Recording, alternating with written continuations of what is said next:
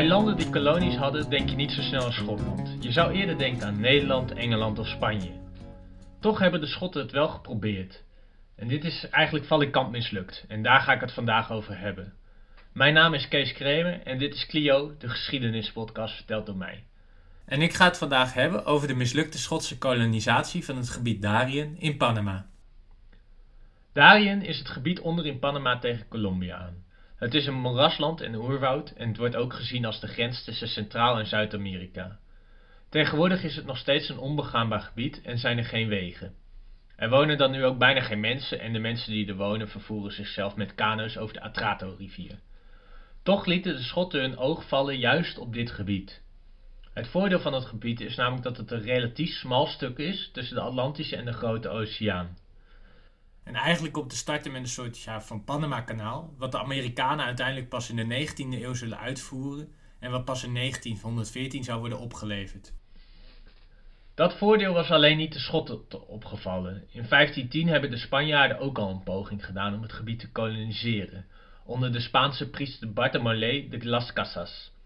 De Spaanse priester zou mededelen dat de massagraven die gegraven werden moesten open blijven aangezien de sterfgevallen zich zo snel bleven opstapelen. Hoe kwam dat? En al deze ellende werd veroorzaakt door een klein beestje, namelijk door de mug. De meeste mensen stierven aan ziektes die door de muggen werden overgedragen in het klimaat wat echt heel geschikt was voor de mug. Deze greep dan ook echt heel hard om zich heen en uiteindelijk zouden de 40.000 Spanjaarden sterven in de poging om Darien te koloniseren. De Schotten dachten dat zij het wel konden en vol optimisme was het William Patterson die vond dat de Schotten het moesten proberen. 150 jaar ongeveer nadat de Spanjaarden het hadden geprobeerd. In 1698 lanceerden de Schotten een poging tot de kolonisatie. Hoe kwamen de Schotten buiten het idee van het kanaal eigenlijk hierbij? Nou, om het zacht te zeggen, ging het economisch toen niet zo goed met Schotland. De Engelsen hadden eind 17e eeuw handelsbarrières opgeworpen en daardoor konden de Schotten niet meer met de Engelse koloniën handelen. Daarnaast was het in het midden van de jaren 90 in de 17e eeuw ook nog extreem koud. Het was de hoogtepunt van de kleine ijstijd.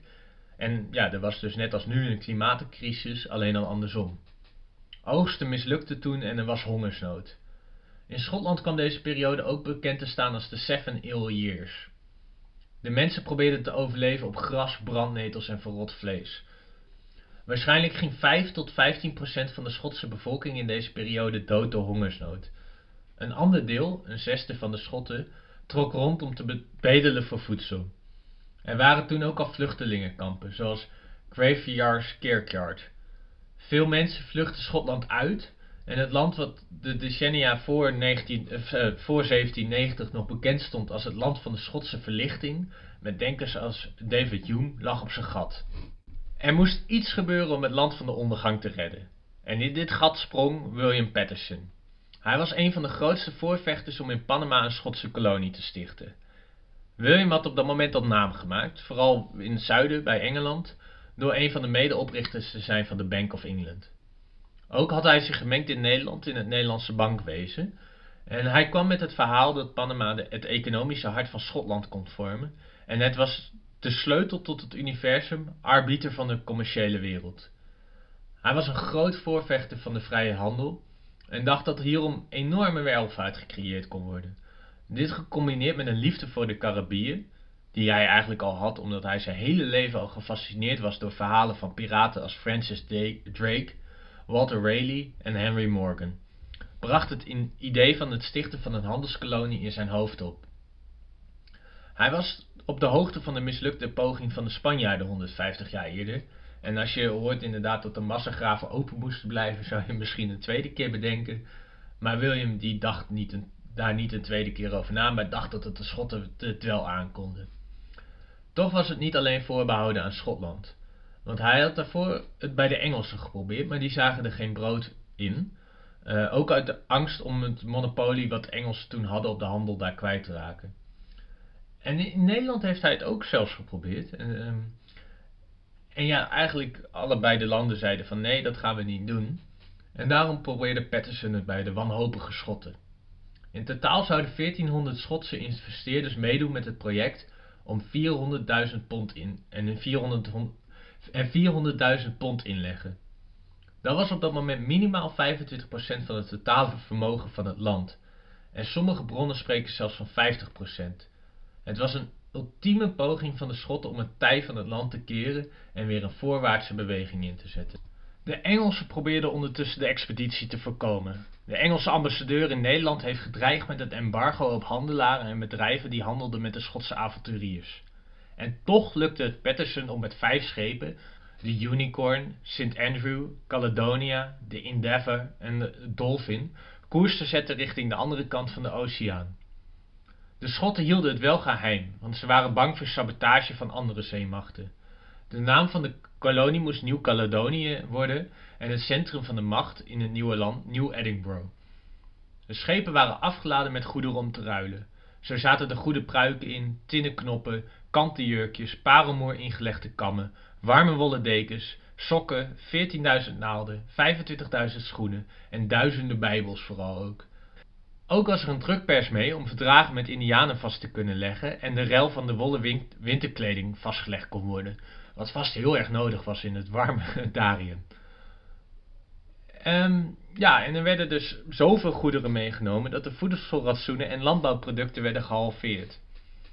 Je zou kunnen denken, de prioriteiten zaten wel goed bij die Schotten. Patterson ging zelf natuurlijk ook mee, samen met zijn hele gezin. En het gezin van Patterson en 1200 mensen zetten ze koers richting de andere kant van de oceaan. De groep bestond voornamelijk uit Schotse ex-soldaten, priesters, handelaren en matrozen. En iedereen zou bij aankomst in Darien een stukje land krijgen van 50 tot 150 hectare. En voordat de Schotten naar het westen vertrokken, stond de naam Darien dan ook gelijk aan een exotisch, avontuurlijke plek en vooral een welvaart. De Schotten begonnen hun expeditie en gingen de zee op, en ze stopten eerst op Madeira, voordat ze de grote oversteek maakten richting Sint Thomas aan de andere kant van de Atlantische Oceaan. En ondanks dat op de trip 44 mensen overleden, aan de gele koorts met name, viel dit nogal mee. Dit was een stuk lager dan normaal een transatlantische reis. En ook toen ze aankwamen leek alles nog goed te gaan.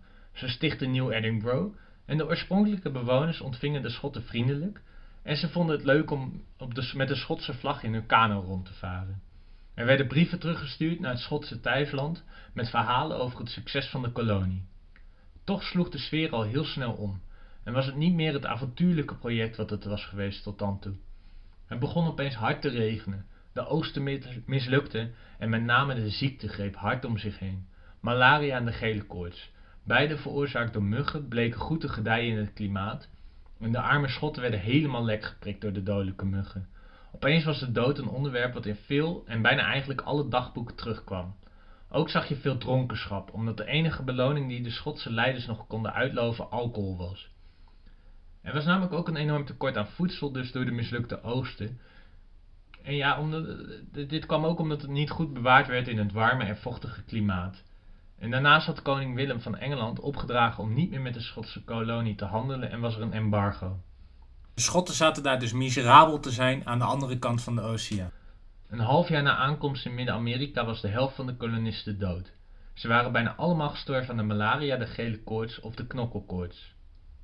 De les die de Spanjaarden 150 jaar eerder op een harde manier leerden, werd nu net zo hard herhaald op de Schotten. Iedere dag stierven de Schotten, soms wel tien tegelijk. En zelfs Nederlandse kranten van die tijd maakten melding van de hel die de Schotten aan de andere kant van de oceaan meemaakten. De oprechte Haarlemse Courant schreef dat een schip van Carolina, een Schots schip van Darien, met volk aan boord ontmoet en dit gerapporteerd had, dat de Schotten wegens ziekte en gebrek genoodzaakt waren geweest Darien te verlaten. Dat zij de helft van hun volk kwijtgeraakt waren en dat zij sedert hun eerste overkomst geen onderpand uit Schotland ontvangen hadden en toen maar 500 ponden bij zich hadden. In een bericht werd ook nog melding gemaakt dat tijdens hun vlucht van het eiland zij ook nog eens 150 mensen waren verloren. De Schotten zijn dus eindelijk de kolonie ontvlucht. De vrouw en zoon van Patterson waren al gestorven en er hing ook een Spaanse aanval boven hun hoofd. Er gingen geruchten dat de Spanjaarden namelijk de Schotten in hun gebied zat waren en tot de aanval over wilden gaan. Zieken werden hals over kop achtergelaten of van boord gegooid en uiteindelijk is het schip via Massachusetts, waar ze door ziekte niet werden binnengelaten, naar Edinburgh gevaren met nog maar een groep van 300 overlevenden, waaronder Patterson zelf de aanstichter van het hele drama. Uiteindelijk is er maar een kwart van de Schotten teruggekeerd. En je zou denken, een wijze les, we zijn er klaar mee. Maar nee, de Schotten lieten het hier niet bij zitten. Er zette namelijk ook een tweede vloot met Schotten koers richting Darien. Nu met vier schepen met 1300 Schotten, waarvan 100 vrouwen waren. Toen ze aangekomen was, waren, was de groep van Patterson al vertrokken. Dus ook zij tref, troffen op deze plek niet veel aan. Het verhaal gaat dat ze alleen de drukpers nog zagen die de eerste groep had meegenomen op het strand met een paar stenen eromheen. Na vier maanden kwam de malaria terug en ook de gele koorts. Honderden Schotten stierven er per week. En in april vielen nu de Spanjaarden echt aan. De Schotten gaven zich snel gewonnen, en keerden huiswaarts. Op de schepen bleef de malaria-mug de groep teisteren en er stierven nog eens 450 Schotten. Uiteindelijk keerden minder dan 100 Schotten terug van de originele 1300 en zo is de tweede expeditie dus nog een grotere ramp geweest dan de eerste. In totaal was bij beide expedities 80% omgekomen als gevolg van malaria of de gele koorts. Het falen van het, opzetten van een kolonie kwam als een schok in Schotland. Bijna iedere familie had wel iets in de expeditie geïnvesteerd die geld had. Het bedrijf wat de recht had gekregen probeerde nog wat van zijn kapitaal terug te krijgen en zond twee schepen, duidelijk gericht op terugkomst, de Speedy Return en de Continent namelijk, naar Guinea en Afrika om wel wat geld terug te verdienen. De kapitein verkocht niet de goederen voor goud zoals afgesproken, maar ruilde ze voor slaven die ze in Madagaskar probeerden door te verkopen. Daar werden ze uiteindelijk eigenlijk echter gekaapt door uh, piraat John Bowen.